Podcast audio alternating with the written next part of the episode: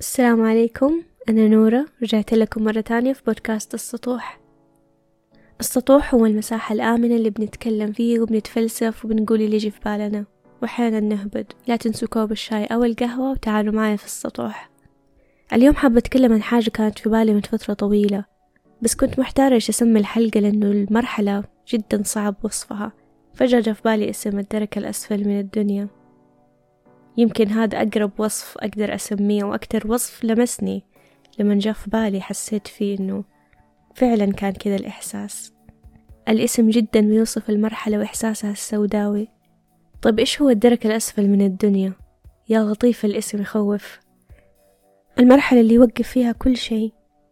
اللي نحس إنها النهاية.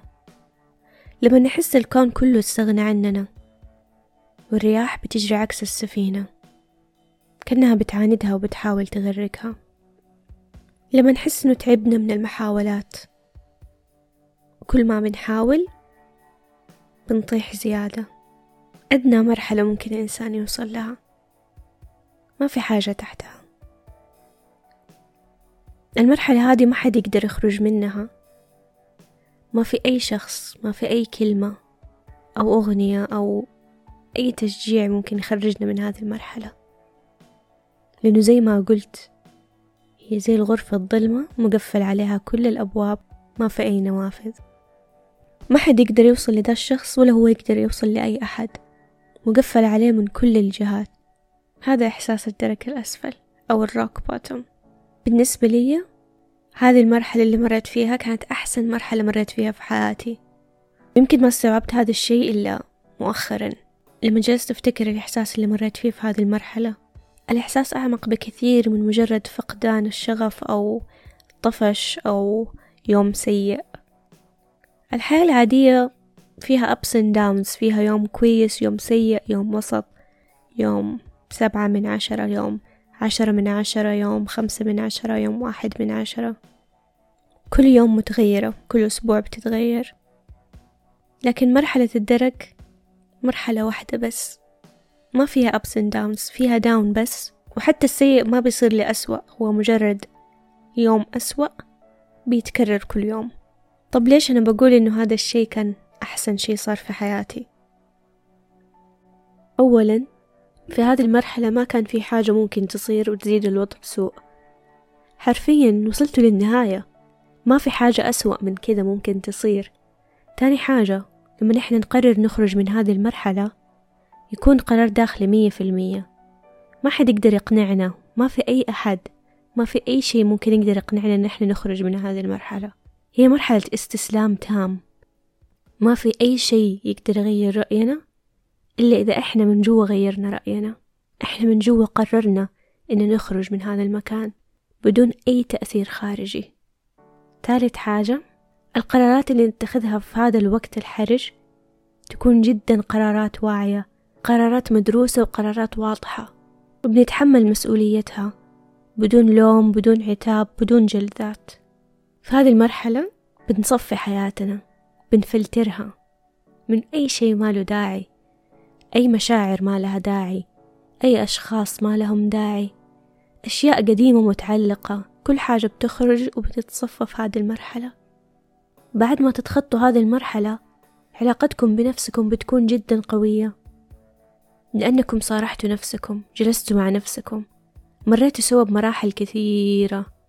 في البداية حزن عتاب لوم جلد ذات توبيخ بعدين اعتذار تفاهم تسامح. أتوطدت علاقتكم مع نفسكم بزيادة بتكونوا دائما بتراجعوا نفسكم. دائما بتتكلموا مع نفسكم. دائما بتعطوا لنفسكم وقت ومساحة عشان تفهموا نفسكم أكتر. دائما بترجعوا لنفسكم. علاقتكم مع الله بتكون جدا مختلفة. لأنكم وصلتوا لمرحلة استغنيتوا فيها عن كل شيء حرفيا. تركتوا كل حاجة وبعدها داخليا من جوا بدون أي تأثير. قررتوا أنكم تختاروا وتلجأوا لله بكامل وعيكم بكامل حبكم إيمانكم رضاكم بكامل حواسكم. بتكون علاقة جدا مختلفة. إحساسها جدا جميل. ما يتوصف. بتزيد أيامكم رضا بيزيد تقديركم للحياة للناس اللي حوالينكم للحظات الحلوة.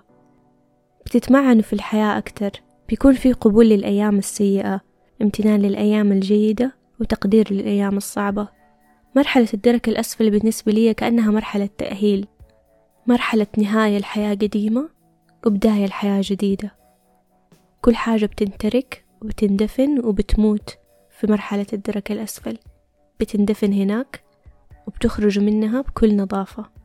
نظيفين من جوا مرتاحين واعيين متصلين مع نفسكم مية في المية متصلين مع الله متصلين مع روحكم. علاقتكم مع نفسكم جدا صافية. بعدها بترجعوا للحياة اللي فيها ups and downs فيها فوق وتحت. فيها أيام حلوة وأيام وحشة. إذا كنتوا بتمروا بهذه المرحلة أحب أبشركم إن اللي يستناكم حياة جدا جميلة. جدا جدا جميلة. حياة جدا مختلفة. حتكون مليانة حياة. زي ما قلت ما في كلام أقدر أقوله أو أو حاجة أقدر أسويها عشان أخرج الناس من هذه المرحلة.